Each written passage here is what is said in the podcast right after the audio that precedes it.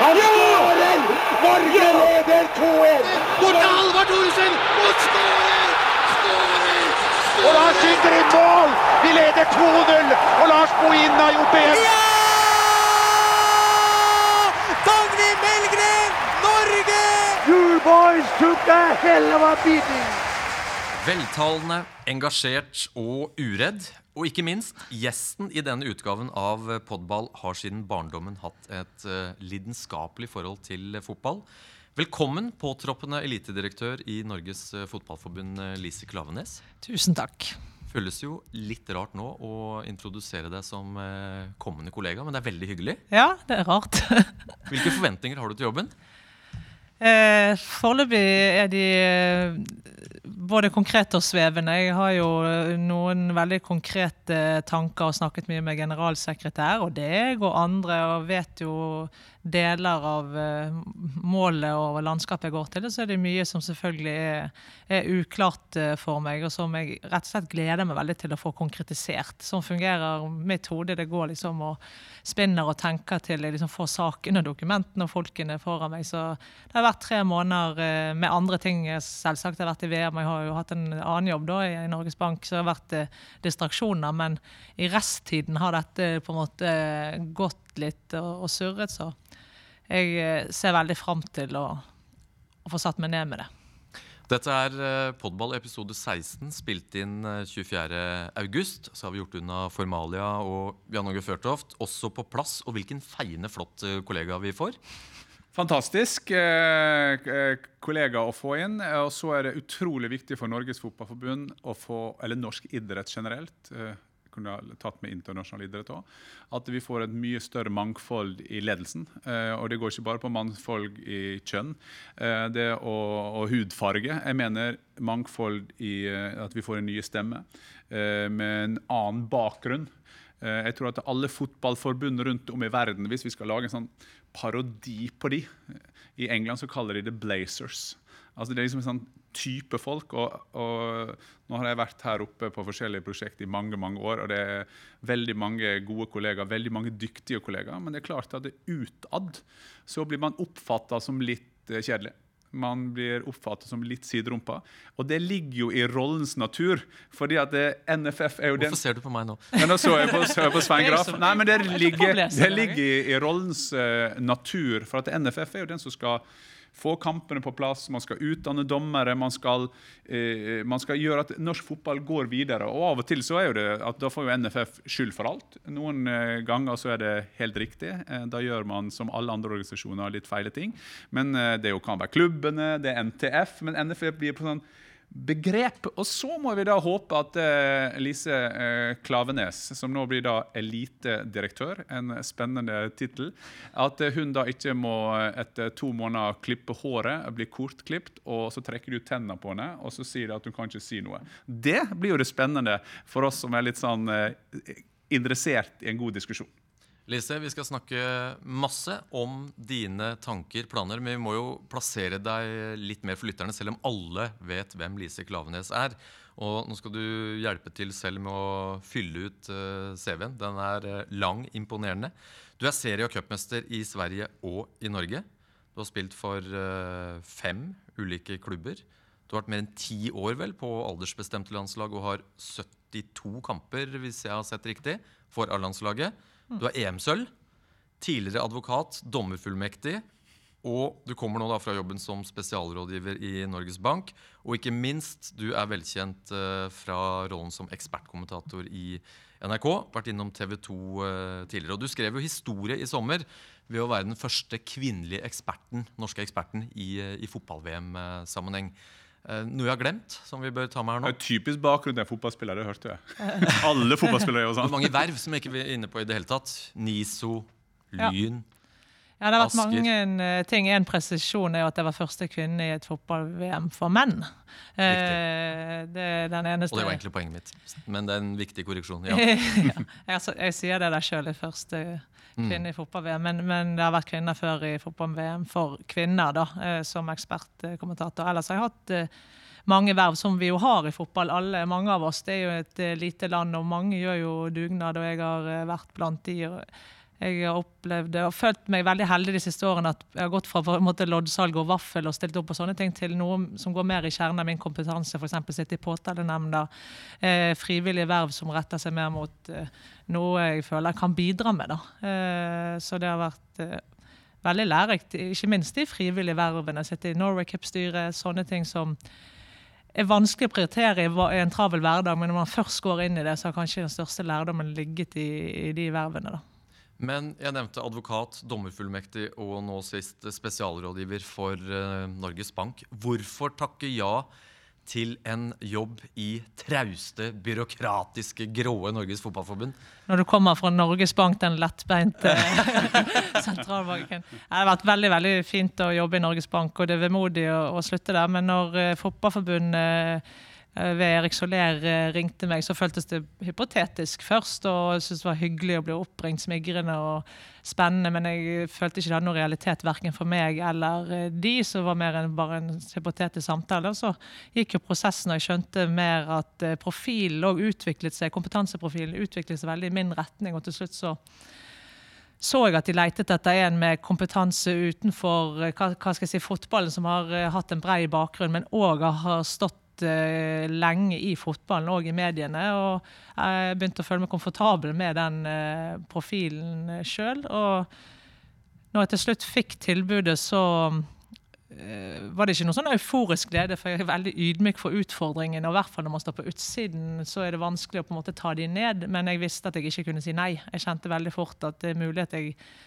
jeg uansett kommer til å være så nysgjerrig på og har ment så mye om. og eh, har så lyst til å bidra inn i at eh, det blir koketteri nå og på en måte vente med å si ja. Så jeg, jeg svarte ganske fort eh, da, men stilte masse spørsmål eh, for å være helt sikker på at eh, organisasjonen òg ville dette. da, ikke, Som Jan Åge sier, ikke først og fremst fordi jeg var på en måte første kvinne i en sånn rolle. Men det, jeg vet jo at det blir fokus ute, så jeg liksom ville òg snakke om det. Det var jeg som tok det opp. og Det syns jeg var fint at det var et fokus som ikke kom i rekrutteringsprosessen. For det, man blir sliten av det, og så kan det avlede fra kjernen. Eh, men jeg ønsket likevel å adressere eh, og løfte om, om man på en måte var beredt på at det ville jo bli et fokus uansett. og Det må man jo på en eller annen måte forholde seg til. Men òg at de ville ha en jurist for eksempel, som jobber sånn som jeg jobber. Og at det viktigste var min bakgrunn utenom fotballen. At du ikke ble ansatt som en fotballekspert. For jeg jeg vil ha folk i min eh, avdeling som er mye mer operative på både feltet og faget enn jeg. Jeg har vært fotballekspert og vært veldig inne i det, men, men jeg jobber som advokat og jobber som spesialrådgiver. Går inn og ut av fotballen. Og jeg vil ha folk selvfølgelig som er ledende i Norge på faget fotball, og være fotballtrener og være ute og referanser. Og at ikke jeg skal på en eller annen måte være den operative. Det, og, eh, det, det var jo selvsagt for Pål Bjerketvedt og de andre at det er nettopp det det de vil. Når, når, jeg nå har sagt ja og møtt uh, flere som skal jobbe i denne avdelingen, så Leif Gunnar Smerud Pål Arne Johansen, disse menneskene som jeg kjenner fra før, Lekserød, alle sammen egentlig er jo utrolig dyktige fotballfolk. Som er mye mer operative og, og faglig dedikert og vært i tiår eh, enn en det jeg har vært. Jeg tror dette handler om lidenskap.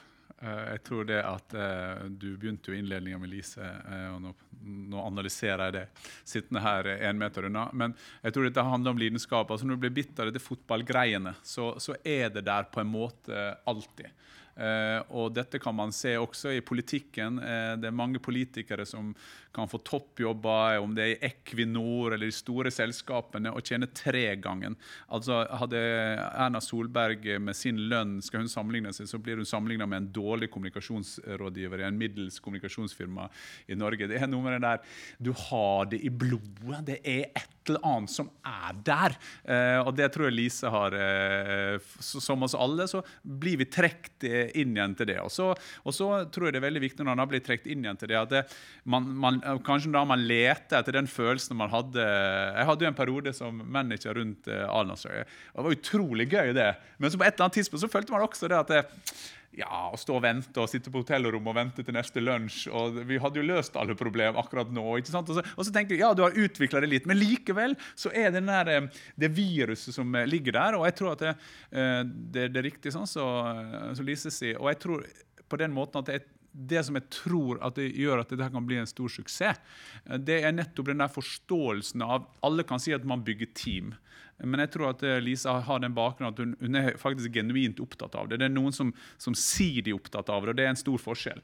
Fordi at det, eh, Om en Smerud eller en Polan eller eh, Mr. X og Mr. Y er flinke, ja, da er de, de er veldig flinke. Så skal vi ha noen som er flinke til å formidle eh, at de er flinke. Altså Da skal vi få de ut, og, og vi skal få de tankene, ting som du eh, jobber med, Svein. ikke sant? Og, så alt hører sammen med alt. så det at det, vi kan ikke, eller NFF, eller om det er Norges Bank, eller om det er Stortinget, eller om det er regjering eller NIF Alle sånne store institusjoner. Man kan ikke sitte på Ullevål stadion og, være, og alle er samde om det var en fin tur, som vi skrev i nynorskeksamen. Man må rett ut der og være aktive. Man må være proaktive. For at hvis i det øyeblikket eh, type institusjoner som NFF og NIF eller Skiforbundet eller whatever, ikke er det, da dør det på en måte ut.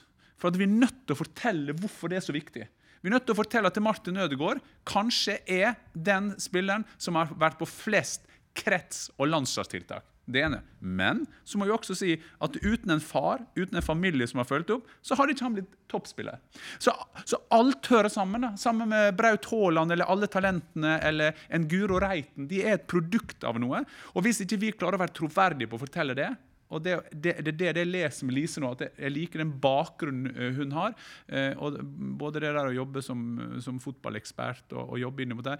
Da kan du iallfall ha en god samtale med de som vet hvor skoen trykker. Eh, og, og, og, vi har vel hatt en tendens, og det må vi jo ærlig innrømme, at det type institusjoner som NFF og andre, man har endt opp med å ansette folk som er veldig like seg selv. Eh, og det mener jeg er døden for alle sånne typer organisasjoner. Man består, men man er ikke aktiv.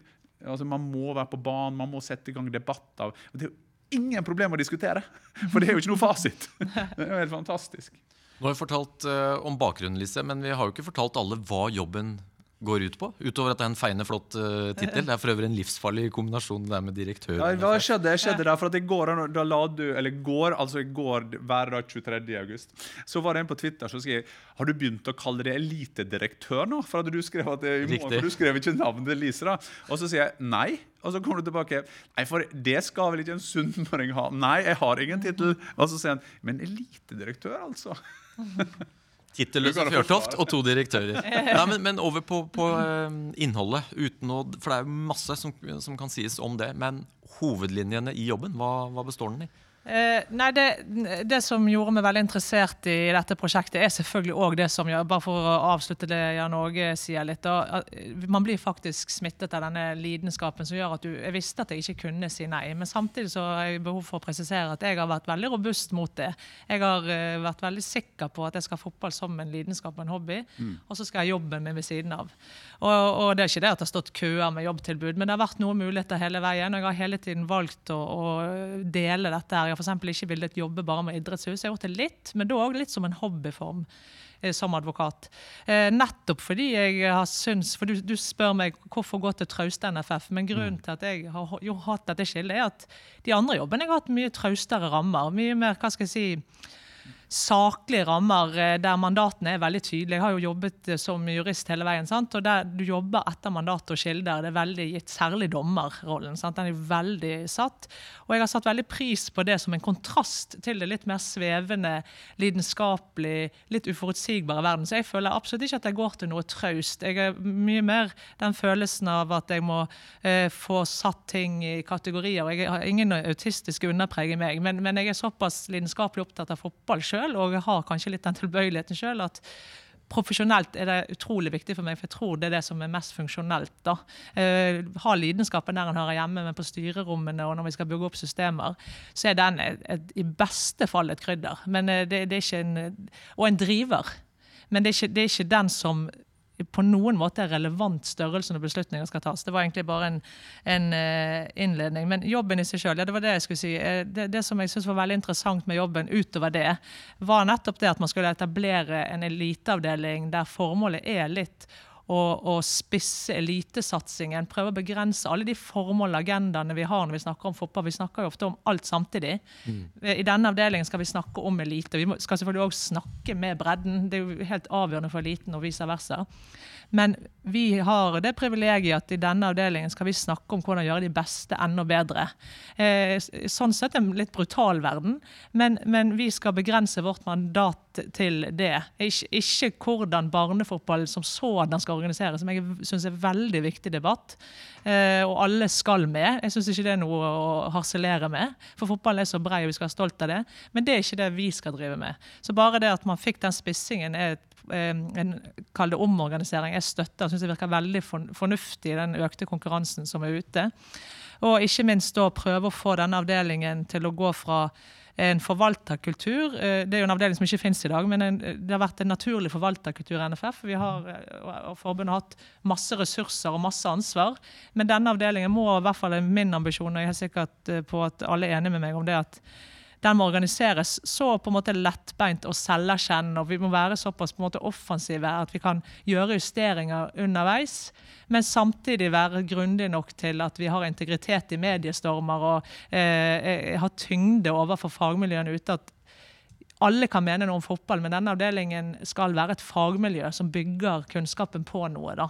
Eh, dette er ikke lett å få til, men, men vi har i hvert fall klart å ved å bare omorganisere på den måten og få til en sånn spisset avdeling, klart å få agendaen dit hen. da, At alle bør i hvert fall være enige om at forvalterkultur må jo være der. Vi må jo ha en god forvaltningsskikk, for å si det sånn, men det skal være en høyprestasjonskultur der. Vi, skal, vi som jobber der òg, skal være prosjektbaserte, lettbeinte, offensive. Være ikke utøvere, men vi skal jobbe mot utøvere som trenger egentlig små tilpasninger hele veien. Så det må være ja, litt sånn eh, klart fokus på at vi er dynamiske og har en sånn prestasjonskultur i denne lille avdelingen. Mens hele NFF har jo nødt til å tenke mye bredere enn det. og det det, det falt det for. Jeg syns det er spennende, synes det er riktig.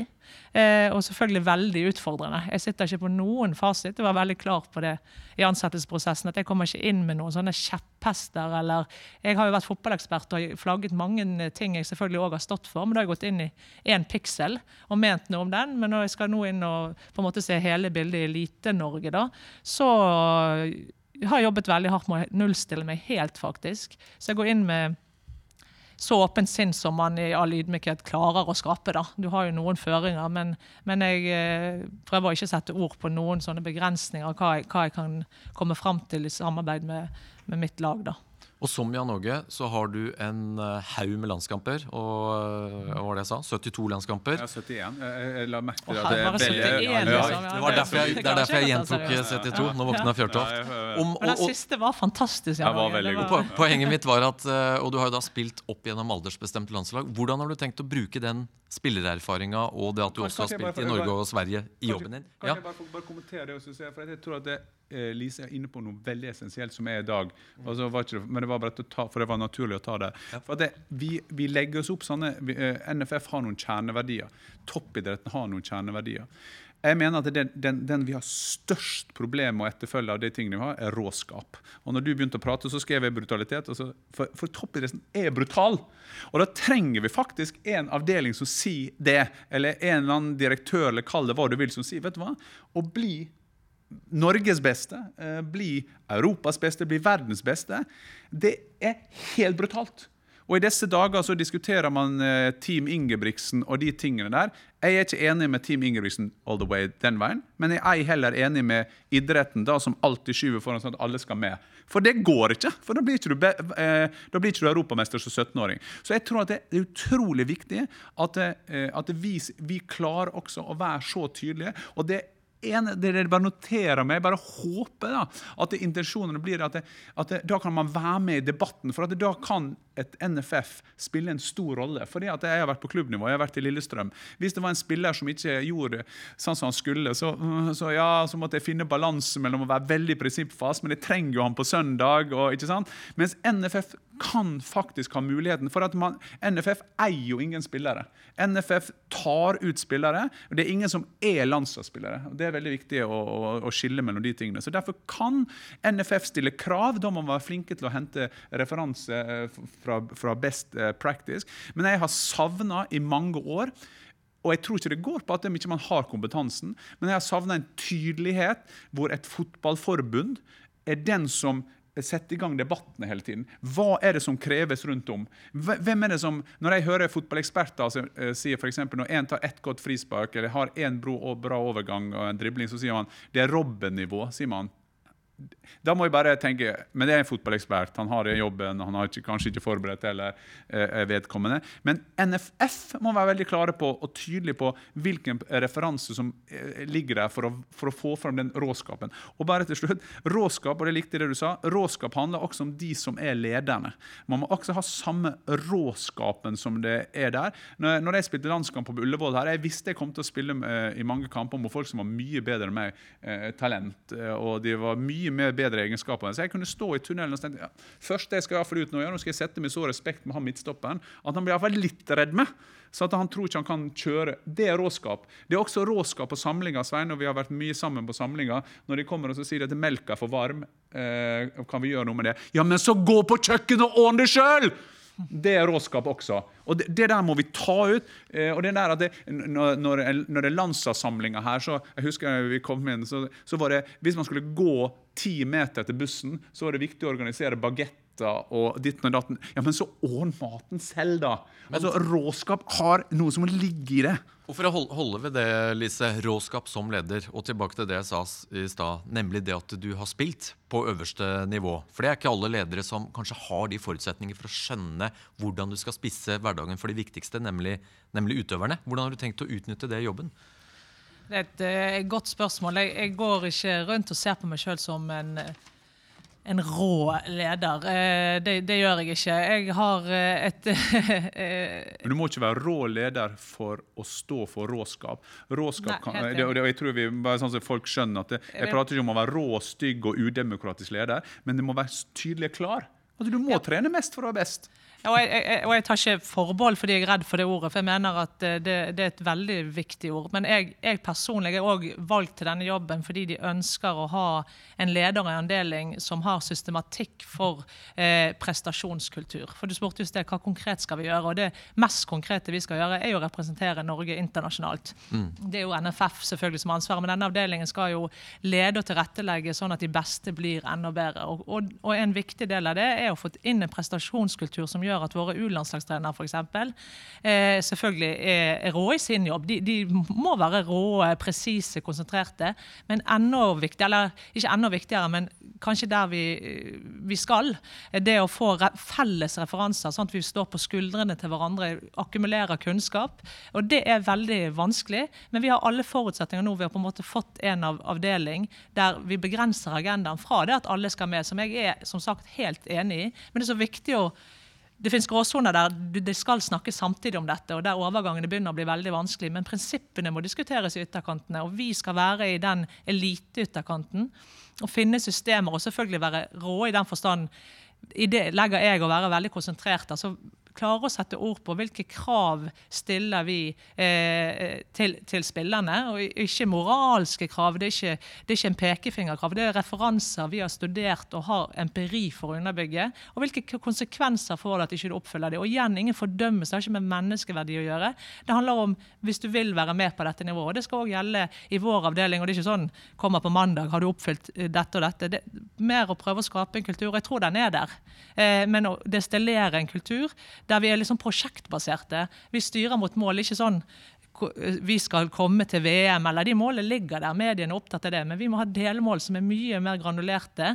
Der vi hele tiden blir vant til å, det som vi som spillere ville tenke på som tester. Da. Så man får et litt sånn avvæpnet forhold til å hele, hele tiden bli målt på prestasjon. For det, det, det er sånn det er nødt til å være hvis vi skal gå fra en forvalterkultur og mer mot en prestasjonskultur. da.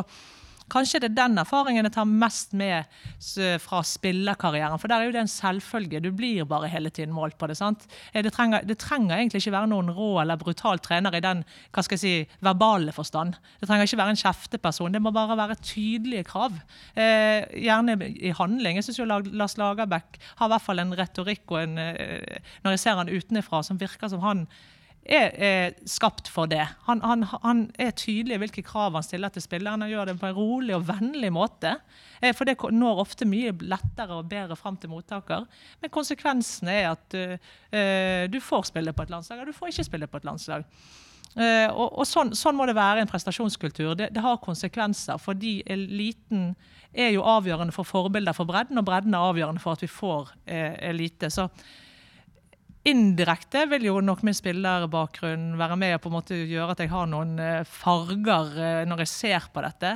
Men jeg er veldig bevisst på å gå inn i dette som, uh, som en yrkesutøver, da, uh, med min profesjonelle bakgrunn. Og at spillerkarrieren At jeg ikke skal bringe med meg for mye hva skal jeg si, gammelt, gamle minner da, fra tross alt en helt annen tid. Eh, jeg, spilte på landslaget ikke så lenge siden, det var 2010. Men ting skjer fort, og du var i din egen boble. Jeg var en spiller som var utrolig opptatt av ball, f.eks. Jeg har hatt så mange aha-opplevelser etter jeg har lagt opp at det, det er ikke måte på. Jeg møter meg sjøl i døren daglig. Eh, og det er svært ubehagelig, men det, det er òg en ting jeg er opptatt av som som uh, både leder og, og er opptatt av hos kollegaene mine. Jeg har vært heldig som jobber med det. Jeg syns advokater ofte er bevisst på dette, for du må, du må i retten på en eller annen måte. Og det er å vite når du møter deg sjøl i døren, og ikke ha bygd opp en sånn rigiditet og en hva skal jeg si, sånn skjold rundt deg sjøl, at du bare sementeres mer. Hvis det, hvis det ga noe mening for dere.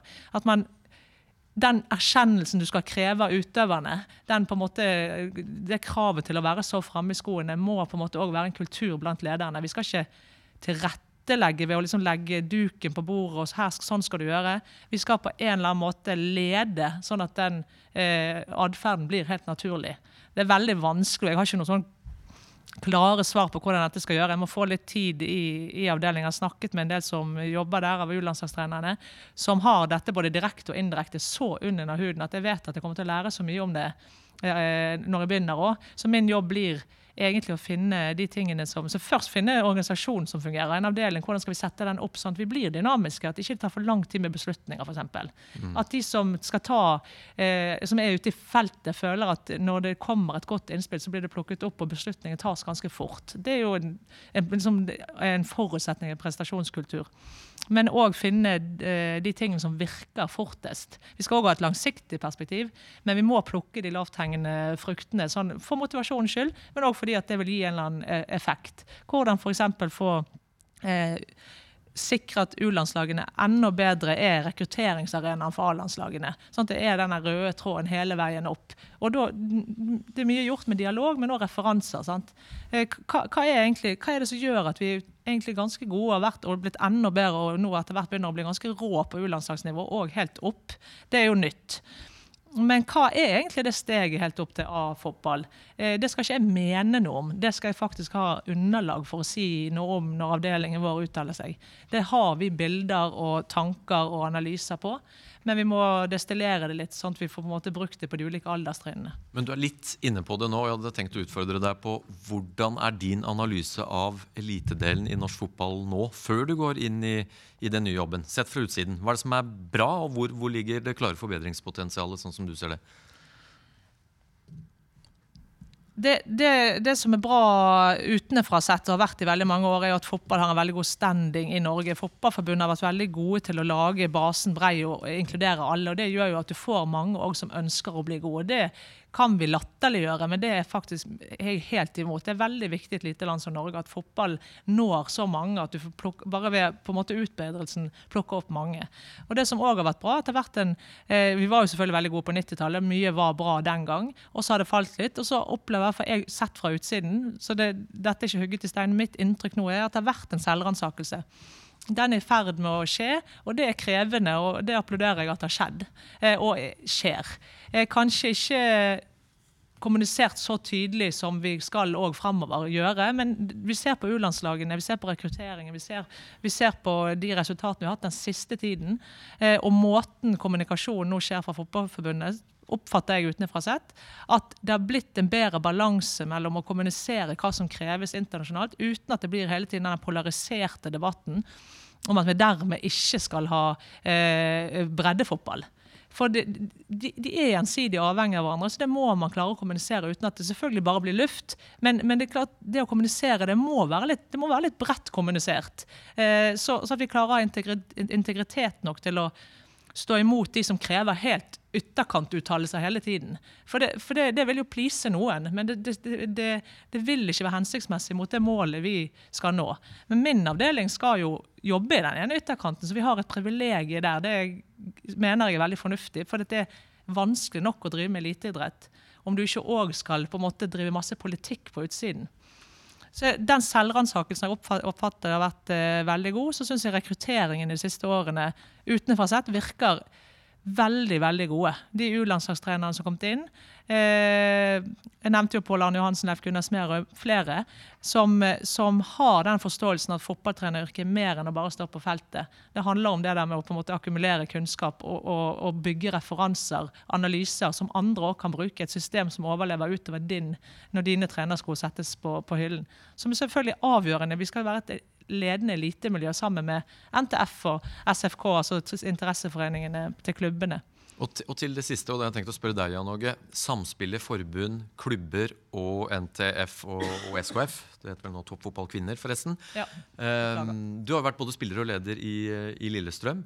Uh, og det er jo mange sterke personligheter uh, ute blant klubbene og ulike meninger om hvilken sportslig retning norsk fotball bør gå. Alt fra terminlisteproblematikk til uh, debatten om spissing i hvilken alder osv. Har du et generelt råd til Lise hvordan hun i jobben bør angripe samarbeidet med med klubber. Nå noterer jeg. Ja, nå, ja, nå noterer jeg, nå gjør det klar. En stor blokk med deg, Lise. Nei, jeg, jeg, tror at det, jeg tror i våre dager, og som egentlig alle dager, så handler det om å møte folk. Å møte folk øh, og finne ut hvem du kan lære mest mulig av. Eh, jeg tror det der, Ikke at du skal ha altfor mange møter, men jeg tror det å møte folk, ha møteplasser, diskutere med dem. Eh, forstå det at i norsk fotball så er vi alle like mye verdt. Eh, det er jo ikke tvil om f.eks. at kvinnefotballen i ledende miljøer har blitt stemoderlig behandla. Det har, eh, og jeg har eh, Jeg skal ikke si at jeg har vært noen pioner, men jeg har fått lov eh, siden jeg var i NRK å få jobbe med kvinnefotball, og det er jo 12-13 år siden. Ja, det er 12-13 år siden. Og, og, og, og, det er sånn bare sånn for meg er det så enkelt å tenke at det, skal vi være et speil av samfunnet, og så skal vi tilsynelatende ikke ta det på alvor. Det er jo en ting. Så er det sånn at Klubbene vil alltid se på hvordan kampen går på søndag. ikke sant? Altså, det vet jeg med den bakgrunnen. Når jeg begynte som manager i Lillestrøm, så tenkte jeg at jeg, jeg ville jo ikke at NFF eller NTF skulle forvalte noe. Altså, jeg begynte og så så jeg at jeg ville ha alt. det. Jeg ville forvalte alt selv. Men de mer og mer jeg ble varm i den rollen jeg hadde på klubbnivå, så så jeg det at det, forvalterrollen som, som, NFF har, eller NTF har, den var utrolig viktig. For jeg ville jo ha brukt opp de pengene på en venstreback fra Slovakia. Uh, det gjorde jeg forresten også. det var et dårlig eksempel, for det var riktig. Men, uh, men, uh, men, men, så så jeg på en eller annen at vi trenger denne her som, som tenker de store tankene. Som, som bare for å, å bare legge til det som, som Jeg er helt enig i det som, som Lise sier der. Eh, referanse er utrolig viktig. Jeg mener det at det, det må være noen som er tydelige på å si hvorfor vi er og Du sa det at det, grunnen til at vi eh, har landslagsspillere, det er jo at vi skal eh, sammenligne oss med andre land. Klubben i Norge synes det, det er litt sånn kultur i Norge nå i, i disse dager. Eh, vi vet jo ikke når dette her går på, men i disse dager så har vi tre lag som har hevda seg godt i Europaligaen. Det er jo der det vi får et klart og tydelig signal på hvordan vi jobber. Eller det går inn i Nation League. Det er det. Fordi det, det, har vært en del, en litt sånn kultur i Norge at det har vært viktigere hvordan det gikk mellom Vålerenga og Start eh, på La Manga. Altså, Den kampen har vært så viktig i februar. Who gives a Ja, skjønner du? Det spiller ingen rolle, for de referansene må vi ha. Og så tror jeg at det er en av de største utfordringene eh, Lise skal ha, og det eh, kommer til å få. Og, det, og, jeg tenker veldig mye på det, for jeg, jeg, har gått den veien selv. Jeg har vært tett på i mange forskjellige roller. Det er der at det, vi jobber veldig dyktig. Enig, vi har ansatt veldig gode eh, landslagstrenere. Jeg har inntrykk av at de jobber godt sammen. De har gode referanser vi får mange av de inn på A-landslagsnivå. Men fra U til A går det sånn OK, vi får de inn der. Men å ta de da fra A til å, å komme inn på A-landslaget og være eh, spillere som utvikler seg Hvis du f.eks. ser den U21-gjengen som var i Israel, som ble, ble, nummer tre der nede. Hvis vi er sånn rå også i, i den rollen, og nå vet jeg ikke hvilken hatt jeg skal ta på meg om jeg skal være fotballeksperten, men men jeg kunne laga en sak på de spillerne. Hvem av de har tatt neste steget? Ja, de har blitt A-landslagsspillere. Og mange av de har mange mange landskamper. Men hvem er det som tok neste steg igjen? Og noen har ikke blitt. Og Noen har ikke blitt landslagsspillere, men jeg, jeg så den oversikten. Det var nesten bare én eller to nesten som ikke har fått landskamper. Men, men og, jeg, og, jeg, og det, det man skal lære av sånne ting, det er jo det at det, det er et eller annet vi gjør der. Da har jeg hørt innimellom at ja, det er på klubben og sånn og bla, bla, bla. Jeg tror det der, eh, det Lise kommer helt sikkert til å gjøre for å eh, mer overkant intelligente de fleste som går inn i en sånn lederrolle, eh, så, så er man nødt til å, å tørre å stille noen tøffe spørsmål. Hvorfor er det, er, har det blitt sånn? Og da tror jeg kanskje det at det, når vi kommer inn på A-landslagsnivå, da er vi blant den ypperste ypperste.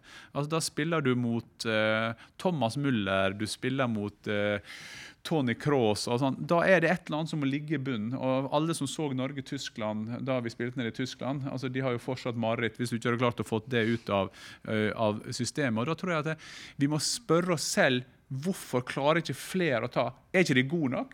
Ja, Det kan godt hende at ikke er gode nok. Har andre mer spillere å velge? Ja, det kan godt hende det. Men så noterer vi altså at Kroatia, vi noterer oss Uruguay, eh, som, som man kan sam i- i- jeg, tør nesten ikke å si Island lenger, for nå sier alle at svaret på alt vi diskuterer i fotballen, er Island. Men vi skal huske også at Island var heldig med en god generasjon, sånn som vi var på 90-tallet. Det var ikke bare at vi var så veldig veldig gode, men vi var heldige med generasjoner. Små land må være heldige med generasjoner. Men jeg, jeg stiller meg litt det spørsmålet der at det, hvorfor tar ikke flere neste steg? Eh, og, og jeg legger det ut på bordet, for jeg, jeg vet ikke det. Jeg vet ikke, jeg kan godt hende jeg er ikke god nok. Um, Kjempestort spørsmål, men et nøkkelspørsmål. Og det henger jo også litt sammen Ja, med jo det som- erkjennelse, som du var inne på i stad, Lise. At fra å liksom gjemme bort den problemstillinga, så føler i hvert fall jeg at det er en litt større erkjennelse nå at det er en felles utfordring i norsk fotball. Ja. Enten du skal jobbe med landslag eller klubber. Hvordan få flere til å ta steget fra gode, å være gode ungdomslandslagsspillere til å bli, eh, ta nivået på, på A. Bare for du får svar på det, så vil jeg bare si at Hvis at vi skal være det enkle og ofte det beste, så vil jeg si det at det, nå, nå sitter jeg her og hører hva man Og så skal man tegne kartet litt mens man går. Det tror jeg er veldig klokt alltid, uansett hvilken rolle man går inn i. Altså, Hovedjobben til Lise det er jo hvor god A-landslag eh, herre og A-landslag kvinne blir. Altså Hvis vi tar bare sluttproduktet, så er det 100 delmål på veien eh, mot det som, som den eliteavdelinga skal jobbe med. Men det er faktisk å få, få alle til å forstå. Det er jo det som er sluttproduktet, og som du Svein, er inne på. Der har vi alle et ansvar som er glad i fotball. Alle har et bra ansvar. For hvis landslaget gjør det bra hvis, eh, Når vi var gode på 90-tallet, så var det Gursken og Rekdal som hadde gjort en god jobb for mange mange år siden. Og så kom man inn i et landslagsmiljø der man hadde et profesjonelt opplegg. All, alle de tingene må man få fram. At vi har et sånn felles ansvar for å skape gode A-landslag. En liten quiz før vi går videre. Vet dere hva vi tre har til felles? Eh, Vi all, ikke alle S i navnet sitt engang, nei. Vi er veldig glad i å prate, og vi har mange temaer vi skal igjennom. Så uh, vi flytter litt fokus nå. Um, og det er noe jeg egentlig ikke har tenkt å fokusere mye på, men jeg tar det opp fordi at media er veldig glad i det. Du var litt innom det. For oss i Fotballforbundet og i norsk fotball for øvrig, så er jo du elitedirektøren Lise. For mange i media så er du den kvinnelige elitedirektøren Lise. Hvordan reagerer du sjøl på at så mange er opptatt av like mye kjønn enn en jobben som sådan? Eh, nå når jeg eh, nærmer meg de 40, så har jeg et veldig avklart eh, forhold til det. Jeg bruker det, eller jeg tilnærmer det meg det som jeg gjør med mange ting, at jeg prøver å dele det opp. Eh, så jeg har en del som skal på jobb, eh, som er en person som skal ha utfordringer på jobb. Enten som fotballekspert eller som elitedirektør, som i VM f.eks. Det var jeg første kvinnelige fotballekspert i VM. Men samtidig er det de mest erfarne ekspertene som dro til VM, av de som dro. Vi hadde jo Mari Skjelbæk som gjorde en fantastisk jobb, 27 år gammel. Eh, så uh, all ære til han jeg var 27, og den kunnskapen han sitter med. Men, men samtidig så visste jeg jeg var en av de mest erfarne kommentatorene av, av de som eh, dro, så jeg sto godt i min egen rolle. Eh, men det var masse fokus på at jeg var første kvinne. og det så lenge jeg ikke drar det inn og det forstyrrer min konsentrasjon jeg skal gjøre jobben min overfor mine kollegaer, det blir forstyrrende for de òg. Eh, for det er ikke noe relevant for Christian Nilsen jeg jobber som jeg dro med, at jeg er kvinne og han er mann. Eh, bortsett fra at jeg snakka litt mye om fødslene mine før sending, syns han. da. Eh, men jeg syns det er tema vi ofte må innom. Ellers så snakker vi om de samme tingene og jeg er helt likestilte. Men at jeg flytter det på siden og faktisk lar det skje. Lar feminister glede seg over at barrierer brytes. Jeg, vi bør alle være feminister, eller på en måte opptatt av likestilling. Så den delen, Da kan folk si ja, men blir du glad for de rosende kommentar, kommentarene du får bare fordi du er kvinne? Jeg blir jo glad for at barrierene brytes, jeg, men jeg tar jo på ingen måte inn eh, og lener meg på det. Det gir jo ikke meg noe faglig, det. At noen sier 'go girl'. Men, men, jeg, men det er jo ingenting negativt med det. Det er en barriere som brytes. Ikke, det er ikke min person det handler om. og Sånn ser jeg på dette òg. Jeg syns det er en viktig barriere som brytes at en kvinne får en så tung fagstilling inn mot fotball. Det er verdens og Norges største kvinneidrett.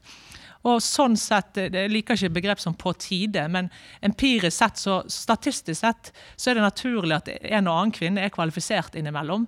Eh, men det er klart basen er er mindre fordi det er færre forbilder. De velger ikke de veiene. Jeg vet mange utrolig flinke kvinner som har også spilt fotball, som nå ikke er kvalifisert til denne stillingen, for de har gått andre veier. Så, så eh, grunnlaget du velger fra, fra, er jo mye mindre, så det tar litt lengre tid. Men så blir det en selvforsterkende greie etter hvert, tror jeg. da. Og jeg er bare stolt av å, å, at det snakkes om, at jeg er med å bryte de barrierene. Men jeg mener jo at det er NFF som skal få den kreden. Eh, jeg, jeg, har jo jobbet og jeg har jo ikke vært opptatt av at jeg er første kvinne. Jeg har gjort en jobb her og der. Eh, og så har NFF kommet dit at de nå vurderer kvalifiserte kandidater på like fot. Og det er det som er nyheten. Det har vært kvalifiserte kvinner før som ikke har blitt vurdert. Men nå blir ofte debatten sånn Hvorfor snakker vi om at hun er kvinne? Hun, er ikke det fordi hun er kvalifisert? Jo, selvfølgelig. Det får nå være det minste kravet man stiller til rekrutterere og til generalsekretærer, at de ansetter kvalifiserte mennesker. Det er jo en lang prosess. Men nå har de landet på De har ikke hatt på en måte disse uh, undertrykte blindsonene mot at de ikke vurderer kvinner. Så det viser at NFF har gått en vei som faktisk ingen andre forbund i verden har gjort. Og da, da hvis man skryter for mye av det, så blir det sånn i 2018 Er dette noe å skryte av? Nei, nei men man må jeg mener at det er viktig at Fotballforbundet kommuniserer hvor langt likestillingen faktisk har kommet i dette forbundet, dette huset. Som jeg merker veldig godt når jeg går rundt. Folk, på sporten i hvert fall, veldig opptatt av kvinnelandslaget, kjenner kvinnelandslaget veldig godt. Det var ikke sånn for 15 år siden. Det har vært en rivende utvikling. Så jeg har i hvert fall lyst til å bidra til at vi på ingen måte har en defensivitet i forhold til det, fordi mediene gjerne, og ingen kritikk av mediene, fordi de, de lever der de lever og skal være kritiske. Men at man på en måte eier litt det at dere helt rett, vi er jo veldig opptatt av akkurat det samme. Kvinnelandslaget er veldig viktig for oss, eh, og har vært det lenge. Eh, og, og, og, og, nå har vi ansatt en elitedirektør som selvfølgelig er kvalifisert, men, men som òg kommer fra kvinnesiden. Så sånn sett så har vi jo sikret oss en leder òg som vil på ingen måte ha en slagside mot herresiden, men går inn i det helt likestilt. Det er på en måte en, en bonus, da. Men, så, men det er kanskje mange som tenker at ja, blir det likestilt nå, eller kommer Lise Klavenes til å prioritere jente- og kvinnefotballen mye mer enn en eh, eh, guttesida? Da får hun sparken. For eh, hun, jo, hun, er jo nødt til å gjøre begge deler. Ja. Altså det, det, ligger jo i, i, sakens natur at hun gjør det. Men, jeg tror, jeg, men jeg tror Lise, at den, den største utfordringen for, for, Jeg tror helt enig et fantastisk signal at man en så viktig stilling blir bekledd av en kvinne. Altså, og, så si, og, så hører mens jeg sier den setningen, så hører jeg den er feil, men likevel er det viktig. Fordi at eh, I internasjonal uh, og nasjonal idrett så er det ja, det er hun eh, Vibeke i Bergen og så er det Tove oppe i Rosenborg. De har vært pionerer på sine felt. Nå får vi en, en pioner. Sånn. Men jeg tror det at det er den største utfordringa Lise kommer til å ha, det er litt sånn KrF-Frp-syndromet. Per Sandberg han var kjæreste og han var statsråd. Eller nei, skal vi sånn han reiste inn, da var han statsråd. Når han var ute der, så var han, var han kjæreste. Geir Bekkevold han er da, skal vi se, han var prest da, ja. Og så skal han holde seg til partiprogrammet eh, eh, eh, da han sitter som leder familiekomiteen, i familiekomiteen for KrF. Grunnen til at jeg vil si det, er at jeg tror at den største utfordringen Lise vil ha, det er at det, A hun kommer til å ha, Når er det hun er kvinne? Du stilte jo det spørsmålet nå. var jo basert på det. Fordi at hun er kvinne, så vil hun prioritere kvinnene. Og, og, og, det er et relevant spørsmål, ikke fordi jeg tror du kommer til å gjøre det, for jeg vet at du, at jeg tror du kommer til å finne balansen. Men, ja, ja, både forventninger, og så vil media ikke alltid være like godt forberedt. De kjenner ikke Lise godt nok, eh, så, så de vil stille alltid det spørsmålet. Så neste spørsmål. Eh, ja, når er det hun er frittalende, Lise? Lise har vært frittalende eh, så lenge jeg har kjent henne, så lenge jeg har fulgt med. Eh, herlig frittalende. Som, som jeg, jeg, jeg, elsker jo en diskusjon. Og når er hun NFF som skal holde seg til eh, som Geir Bekkevold skal holde seg til partiprogrammet. Og de tre, hvem er hun da? Er du kvinne-Lise? Er du elitedirektør-Lise? Eller er du frittalende Lise? Eh, og, og, og, du jobber helt sikkert med det, og du vet at det er en del av de tingene jeg kommer inn i. Men det kommer til å bli ganske relevant. Og det var på blokka mi, Lise. Jeg har skrevet at du har skarpskodde meninger. Du har kritisert Uefa, Fifa, ment mye om uh, idrettspolitiske temaer. Blir din munn nå lukket fordi at du begynner i NFF, eller uh, tør du å stå for de samme tingene som privatlise? Nei, eh, det, det, er veldig interessant eh, det du sier òg, eh, Jan Åge, med eh, hvordan man skal skille disse tingene. og Det er jo vanskelig i alle roller. Det er vanskelig dommerrolle, advokatrolle, men mediene gjør og setter det mer på spissen fordi du selvfølgelig også bli tatt for hvis du får, eh, begår et overtramp, mens det er mer en litt sånn eh, kjip klamp i magen. Kanskje en part kommenterer noe hvis du går over grensen som dommer. da. Eh, så det er noe vi alle må jobbe med til enhver tid. fordi når man ansettes et sted, så har man faktisk skrevet under på at man skal være lojal mot arbeidsgiver. Det er ikke noe du velger det. Jeg er jo arbeidsrettsadvokat, så, det, er jo noe jeg setter veldig høyt og ikke ser på som servilitet eller på noen måte er forpliktelse vi, vi har. Jeg, jeg har ikke gått og ment masse som advokat som går på tvers av altså ingenting som går på tvers av mine klienter. Eller jeg har jo ment og tenkt det, men i den grad det går på tvers av min integritet, så må jeg si fra meg oppdraget. Men jeg går ikke til mediene og løper med meningen min. Men i Fotballforbundet så er jo kommunikasjon veldig viktig. Vi ønsker å ha en kultur Vi skal jo ikke representere en klient, vi skal også snakke til folket, så å si. da. Så, så vi skal jo kommunisere eh, våre standpunkter. Og jeg vil ikke kalle det personlige standpunkter, det bør være veloverveide standpunkter som jeg mener som en eh, ja, ja, Lise, da, som òg er elitedirektør. Eh, så i den grad jeg mener noe personlig som går på tvers av det jeg mener er best for fotballen, det, det har jeg nesten ikke opplevd. Jeg har ikke opplevd å mene noe som går på tvers tvers, som jeg, mener er egentlig uhensiktsmessig for utvikling av fotball. De, de, de, gangene jeg har ment noe, så har jeg jo ment at Jeg kan ta feil, men jeg har jo ment da at det jeg mener, er fornuftig òg for fotballen. Eh, fordi fotball står meg nær. Eh, og i, den, i, den, grad det går på tvers, så må du selvfølgelig ta stilling til det. Så jeg må jo finne en balansegang mellom jeg skal stå for akkurat de samme tingene, og jeg skal stå for mange ting. Det har jo du nødt til som leder. Det er derfor du ansettes. Du skal gjøre deg opp meninger hele veien. Men hvor mye man skal kommunisere utad, det vil jo være en, en, avveining. Det vil det være for alle. Men jeg har ikke tenkt å være noen eh, forsiktig person. Eh, jeg har tenkt å være meg sjøl i denne rollen, men å være klar over når det oppstår veiskiller. Du må være bevisst. Når har du kommet inn i en gråsone der det du sier nå, eh, er et minefelt? da? Eh, hvem bør du snakke med, sånn at det ikke blir misforstått? Og så finne en avveining mot å ikke bli for forsiktig, sånn at alt går for sakte. Men må, det, det, er ingen, ingen svart-hvitt svar på det. Jeg har ikke tro på det der med å snakke, si sånne ting som at man skal snakke fra levra. Eh, hva er levra egentlig? da? Det, det bør være veloverveide uttalelser, og det håper jeg, håper jeg, har kommet med opp igjen. Jeg har i hvert fall prøvd på det. Jeg har veldig sjelden ment noe bare sånn med live-mikrofonen som jeg ikke har tenkt over. Eh, men, men, forskjellen vil jo bli altså Nå, nå, sitter, nå, vi, nå nærmer vi oss talkshow-segmentet, og nå våkner jo jeg også. For, for det, det, er klart at det, du, ja, jo, men det, for våkner, for jeg syns det er veldig interessant, og det er derfor jeg har fulgt denne Bekkevold-saken veldig nøye. For det er en prinsipiell, utrolig viktig sak. Og så er jo det der Gud som kommer inn i tillegg, som gjør det helt komplisert. Så det kan godt hende at vi skal bruke mer eh, Sandberg-saken. Men det er ganske interessant, da, for at når du sier det, ja. Og det er fint å sitte her eh, en uke før du eh, begynner, når vi spiller inn dette her, så sier du at det, ja, du skal følge du skal følge NFF eller norsk idretts eh, sine standpunkt på de tingene.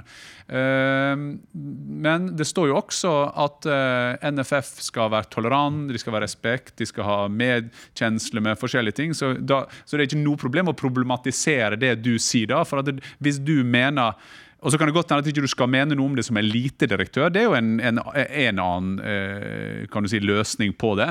Men eh, jeg tror at, det, jeg tror at, det Lise, at folk kommer til å være etter Lise i rollen sin for å, for å, møte seg selv i døra. Du sa det selv at du, du det, er jo, det, er kanskje den beste du møter i døra. Det er jo deg selv. Ja, både verste og beste. Hvem man møter i døra. Men, men det er mange sånne eh, Og du, du, du brukte ordet minefelt. Det er jo mange minefelt som kommer inn. Vi registrerer jo at norsk idrett er veldig glad i IOC. Og det er jo de nødt til, for de er jo en del av IOC. eh, men IOC er jo gjennom Ja, så bruker jeg ikke det ordet, eh, men altså, det er de det er jo ikke bra. Eh, Det kan vi også si om eh, Fifa, som akkurat nå er oppe i en eh, debatt om Saudi-Arabierne. Et konsortium bestående av Saudi-Arabia, Emiratene, japanske banker og, og, og kin- kinesere, som i dag på en måte i kjøper Fifa. Og da kan jo vi sitte så mye vi vil her oppe. For, eh, for at Fifa har mange mange fine egenskaper til dette. her, Men vi møter oss selv døra. Jeg møter og jeg prater jo gud hjelpe meg av erfaring. For jeg møter jo meg selv opptil flere ganger i døra. Så det der å finne den der Jeg syns f.eks. Når, når vi har de debattene om at det, ja, vi skal ikke dra på treningsleir til det landet, og så skal vi til treningsleir i det landet. Altså, Den debatten er så farlig hvis ikke vi har gjennomtenkt hva vi ønsker å oppnå med det. Hvilke signaler eh, sender det. da, så jeg det der er problemstillinger som fort havner på ditt uh, bord, Lise. Det, det siste. Eksempelvis treningsleire i hvilke land, og hvis vi drar dit, hvordan uh, utnytter vi at vi er et sted hvor regimet ikke er som vi ønsker, osv. Uh, ikke har, uh, få rynker i panna nå. Dette er, jo, dette er jo utfordringer som du takler. Eh, eh, Det skal jeg ikke si. Jeg, er i hvert fall innstilt på å ta de og bryte det ned i noen spørsmål, og så finne noen svar på de. Hva, er det, hva er det som er vanskelig med denne problemstillingen? Og hvilke deler av vårt etiske regelverk er det som settes eh, litt på strekk? Og hvordan vurderer vi det? Og så må vi ha en vurdering som vi står for. Og den kan selvfølgelig kritiseres, men da er den gjennomtenkt. Man må ikke alltid rundes av. altså vi, vi må ta stilling, da. Kan, den kan ikke alltid rundes av til det kommersielles fordel nødvendigvis. Men av og til må han jo det, og det er jo helt legitimt. Men det er jo fordi vektskål på andre siden ikke er så tung. Altså Man må på, en eller annen måte bryte det opp til en eller annen vurdering. Eh, og så går jo det fort, selvfølgelig. Det vil være krevende å gjøre dette her. Men det er derfor jeg innledet med å si at det som jeg liker med den organiseringen nå, er at vi skal ha et elitefokus. Vi er absolutt ingen politisk avdeling. Men det betyr jo ikke at ikke vi blir berørt av politiske beslutninger, og om vi skal mene noe om det. Det vil jo være konkrete vurderinger. Men vi skal få de beste til å bli bedre. Det er det vi skal. Vi har jo andre avdelinger på huset som er nødt til å ta stilling til dette her. Vi har et styre som har det politiske ansvaret. Eh, og og, og hvis, vi har, eh, hvis vi er uenige og går på tvers av styret, så må vi bruke de virkemidlene vi har internt til å påvirke vårt eget styre. Og det, og det er jo helt riktig, men altså, nå sitter vi her og diskuterer eh, ganske fritt før du begynner i hvilken problemstilling som kan være. Og første halvåret før dette settet, så vil jo eh, folk eh, gå, gå løs på dette her. Og, og, og det er ganske konkret, de med klubbene. Og, og jeg vet ikke svaret. Vet, hvor går grensen? Er det med absolutt diktatur? Er det med 80% diktatur? Er det folk som har vunnet jobb, eh, eller at de har fått makten i landet på en demokratisk eh, prosess? Hvor er vi? Jeg minner om at Adolf Hitler ble da valgt til, eh, til bondeskansler i, i Tyskland på demokratisk eh, måte. Jeg bare legger inn det problemstillinga, for jeg syns det, det er ganske interessant. Og så får vi se, og jeg er helt sikker på at du finner det, og jeg, og jeg tror at det er løsninga for det er jo akkurat det du sa der, at du du er elitedirektør, og du må bruke de virkemidlene som er inne i en organisasjon. eller Til slutt så er det styret i, en type Nå behøver vi ikke prate bare om NFF, men det er jo styret i en organisasjon som, som avgjør det. Men, men av og til så møter vi vi, vi møter på en diskusjon som er total mangel på nyanse. Som f.eks. da, eh, bare for å avslutte det temaet med, med hvordan vi gjør idrettspolitisk. Svenskene de boikotta Svenske politikere boikotta åpningsseremonien i Sotsji pga. Russlands syn på homofili og rasisme osv. Samtidig som da næringslivet i Sverige handler for 85 milliarder kroner med, med Russland. Ikke sant? Så det er den debatten vi har, at vi, det er så unyansert. Og igjen, jeg sitter ikke med svaret, for jeg vet ikke hvor grensen går med land vi ikke kan eh, besøke. Det er noe man må ta stilling til, i hvert fall når det settes eh, på, på strekk. Det er noe styret må ta stilling til. Eh, og vi som eliteavdeling må jo være opptatt av å, komme med våre synspunkter. Alle har jo noen grenser. Jeg synes det er veldig stor prinsipiell forskjell på å drive idrett i et land som har et regime vi ikke støtter. Så, så det, det får styret ta stilling til. Til å dra et sted der vi er med på å, å ta livet av folk. Der, der, der det er selve infrastrukturen bygges. Der, der det er vi som medlemsorganisasjon er med i en større organisasjon som gjør noe ulovlig, som bidrar til korrupsjon. Det er det som, det, det, er det som gir et ansvar. Eh, du kan jo ha et menneskelig ansvar for hvor du ønsker å dra, og hva du ønsker indirekte å bidra til. Men det konkrete ansvaret er jo når vi som NFF, da, som organisasjon i Fifa og Uefa, eh, er med og ikke har en klar stemme, både utad og internt, mot ar- arrangementer der HMS-kravene ikke er gode nok for det konkrete arrangementet. Der HMS-kravene åpenbart vil, eh, er så fraværende at det vil ta liv på den, den stadion. Ikke, ikke den normale risikoen som, må, som, som er livet i seg sjøl, men der vi vet at vi på en måte driver eh, et hardkjør på de som skal til, eh, tilrettelegge for festen vår, eh, og da ikke tar et tydelig standpunkt. Eh, men svaret kan aldri bli at det er så vanskelig at ikke vi mener noen ting. Men svaret er veldig ofte at det er så vanskelig at det er utrolig eh, krevende å vite hva vi skal gjøre. Men er du tilhenger av en, en potensiell boikott type Qatar-VM? Jeg har jo tatt til orde for som fotballekspert at jeg ikke kommer til å dekke det mesterskapet. Jeg har jo flagget det Men du var i Russland. Jeg var i Russland. Og hvordan klarer du å forklare det? Nei, jeg har ikke noe For nå er er, bare sånn som Ja. vi sier at nå er vi inne i podbanen, for, har, for nå tok vi opp den der Kvinne-Lise, frittalende Ja. Og eh, elitedirektør-Lise. Og jeg syns det er viktig at vi diskuterer, for jeg tror at jeg, jeg, jeg mener at det er sånne ting Det er mye bedre at man legger det ut. Ja, ja. Ikke sant? Og da jeg registrerer det. Og, og, og vi hadde ikke sett og diskutert dette her med en annen som hadde kommet inn. Det er jo pga. at du har den bakgrunnen eh, du har, men jeg registrerer det at du sier at du da ikke vil til Qatar, men du har ikke noe problem med å jobbe i Russland. Og det kan det- ha en del paradokser. Nei, det var, det var ikke egentlig det jeg sa. At jeg ikke hadde noen problemer med å jobbe med Russland. øh, Men det som eh, har vært min inngang til den saken der, er at jeg leste meg veldig mye opp på, på Qatar. Eh, Vi visste veldig tydelig altså Det er bevisvurdering da, på mitt, min enkle måte i mitt hode. Vi visste veldig godt at det var korrupsjon. Det var tydeligere enn i mange arrangementer. Så kan man drive med whataboutism da, si hva med det, hva med det. Ja, det, det har jo vært en mistanke om det i veldig mange tildelinger, men her var det ikke lenger sånn at man kunne gjemme seg bak at det bare er en mistanke. Det var så åpenbart. Eh, I tillegg så eh, visste vi at måten arbeiderne blir behandlet på der, var òg mye verre enn mange andre steder. Og på et eller annet sted så oppstår jo en eller annen personlig grense. Nå snakker jeg ikke som elitedirektør, nå snakker jeg om ansvaret eh, din grense for når du kommer i festhumør. Mm. Når du kommer i festhumør. Når har du lyst til å bidra til dette her? Og den kan jo, kan jo være med Russland, det kan være med Qatar, men på et eller annet tidspunkt så må jo alle Det var det som var mitt innspill i den debatten, at fotballeksperter og mediene må òg de kan ikke bare stille kritiske spørsmål til andre. Vi er jo alle med på det. Så hva, mener vi sjøl? Jeg har ikke lyst til å dra til Qatar, for jeg har mistet feststemningen. Om vi skal boikotte det, det er jo et politisk spørsmål. Hva virker? Det, det er jo det som er spørsmålet, og der er det mange som mener at boikott ikke virker. Og det har ikke jeg satt meg nok inn i om det gjør. Men den personlige boikotten min gikk ut på å prøve å skape en debatt. Men folk er så redde for å ta den at det blir ingen debatt. for ingen Ingen ønsker å ta den på et personlig nivå, for da, stiller du spørsmål til den som har sagt ja, men hvorfor var du med der og der?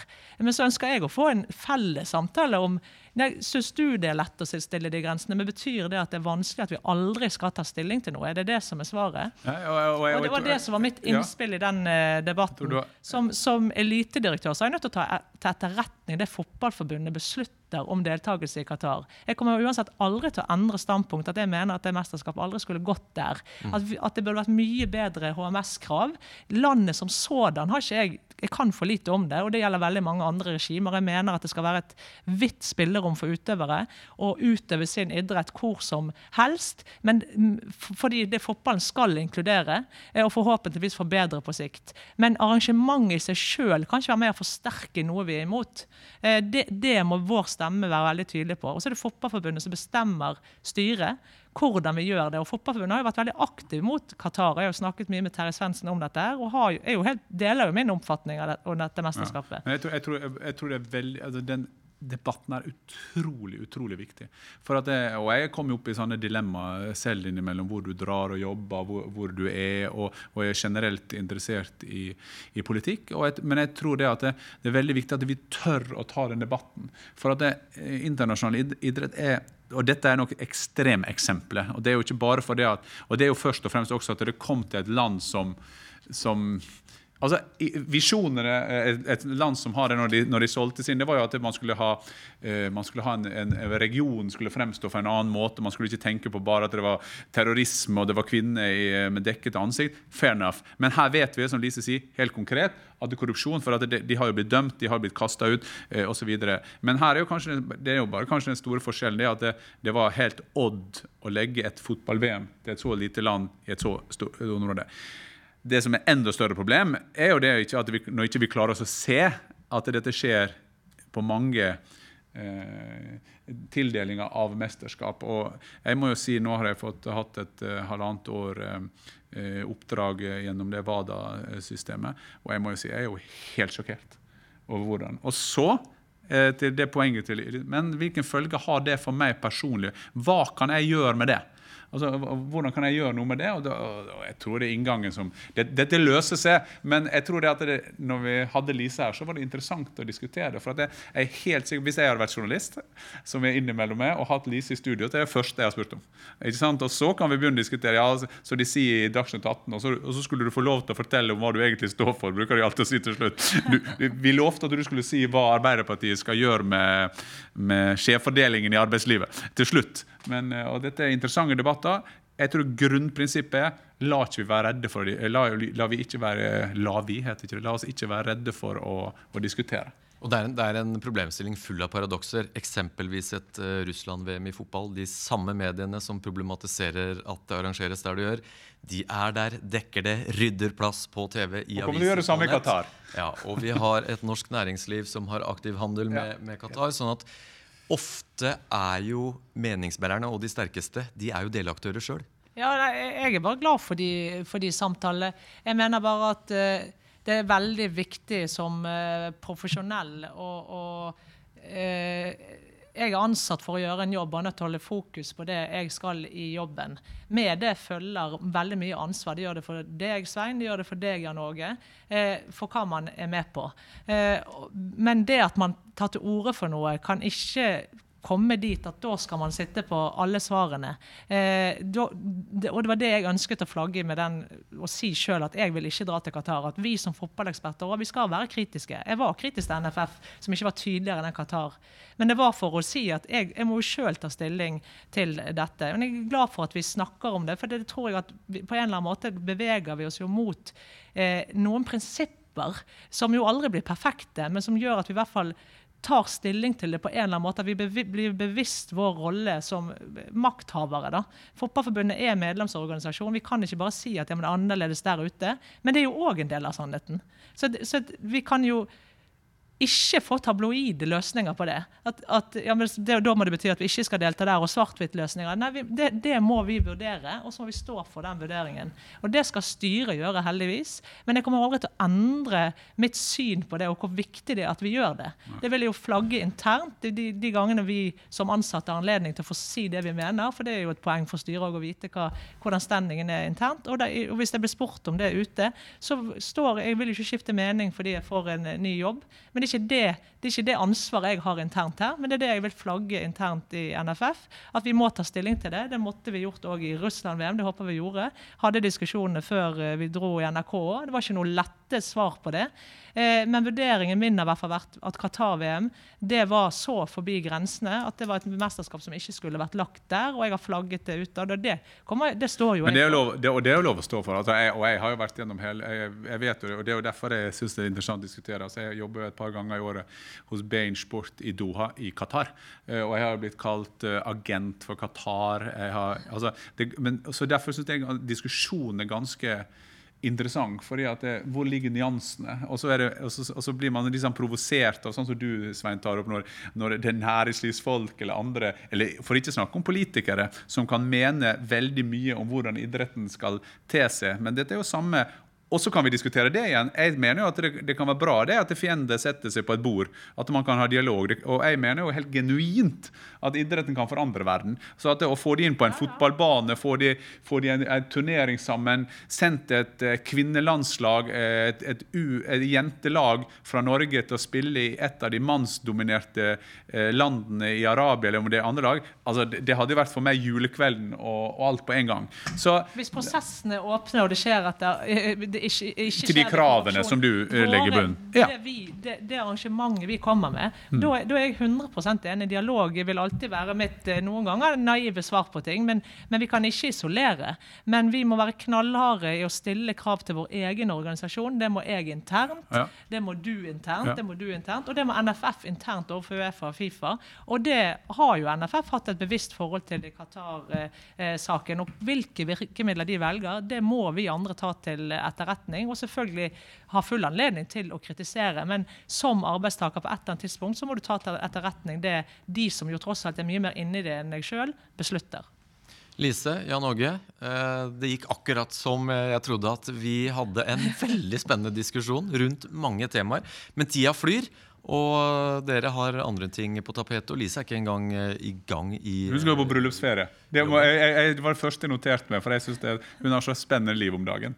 Ja, det er ikke Ja, men det er jo det. Vi skulle snakke, er om, det. det. Ja, Ja. Vi skulle snakke om det profesjonelle, og så om det private. Hvis hun, er, hvis hun har det bra privat, så kommer hun til å være bedre på jobb. Svein. Ofte en sammenheng. Sånn er det for menn, sånn er det for kvinner, sånn er det for oss alle. Ja. Og da kommer dette til å gå veldig bra. Det er Ja, helt sikkert. Lise, tusen takk for besøket. Det blir ikke siste gang du eh, besøker Podball. Du har vært hos oss før òg. Ja. håper ikke Det Neste gang, neste gang håper vi du sitter her som elitedirektør. Hvis ikke så fikk du en fryktelig kort eh, karriere. Takk for besøket. Vi får Ja, bare booke med en gang. Takk, takk.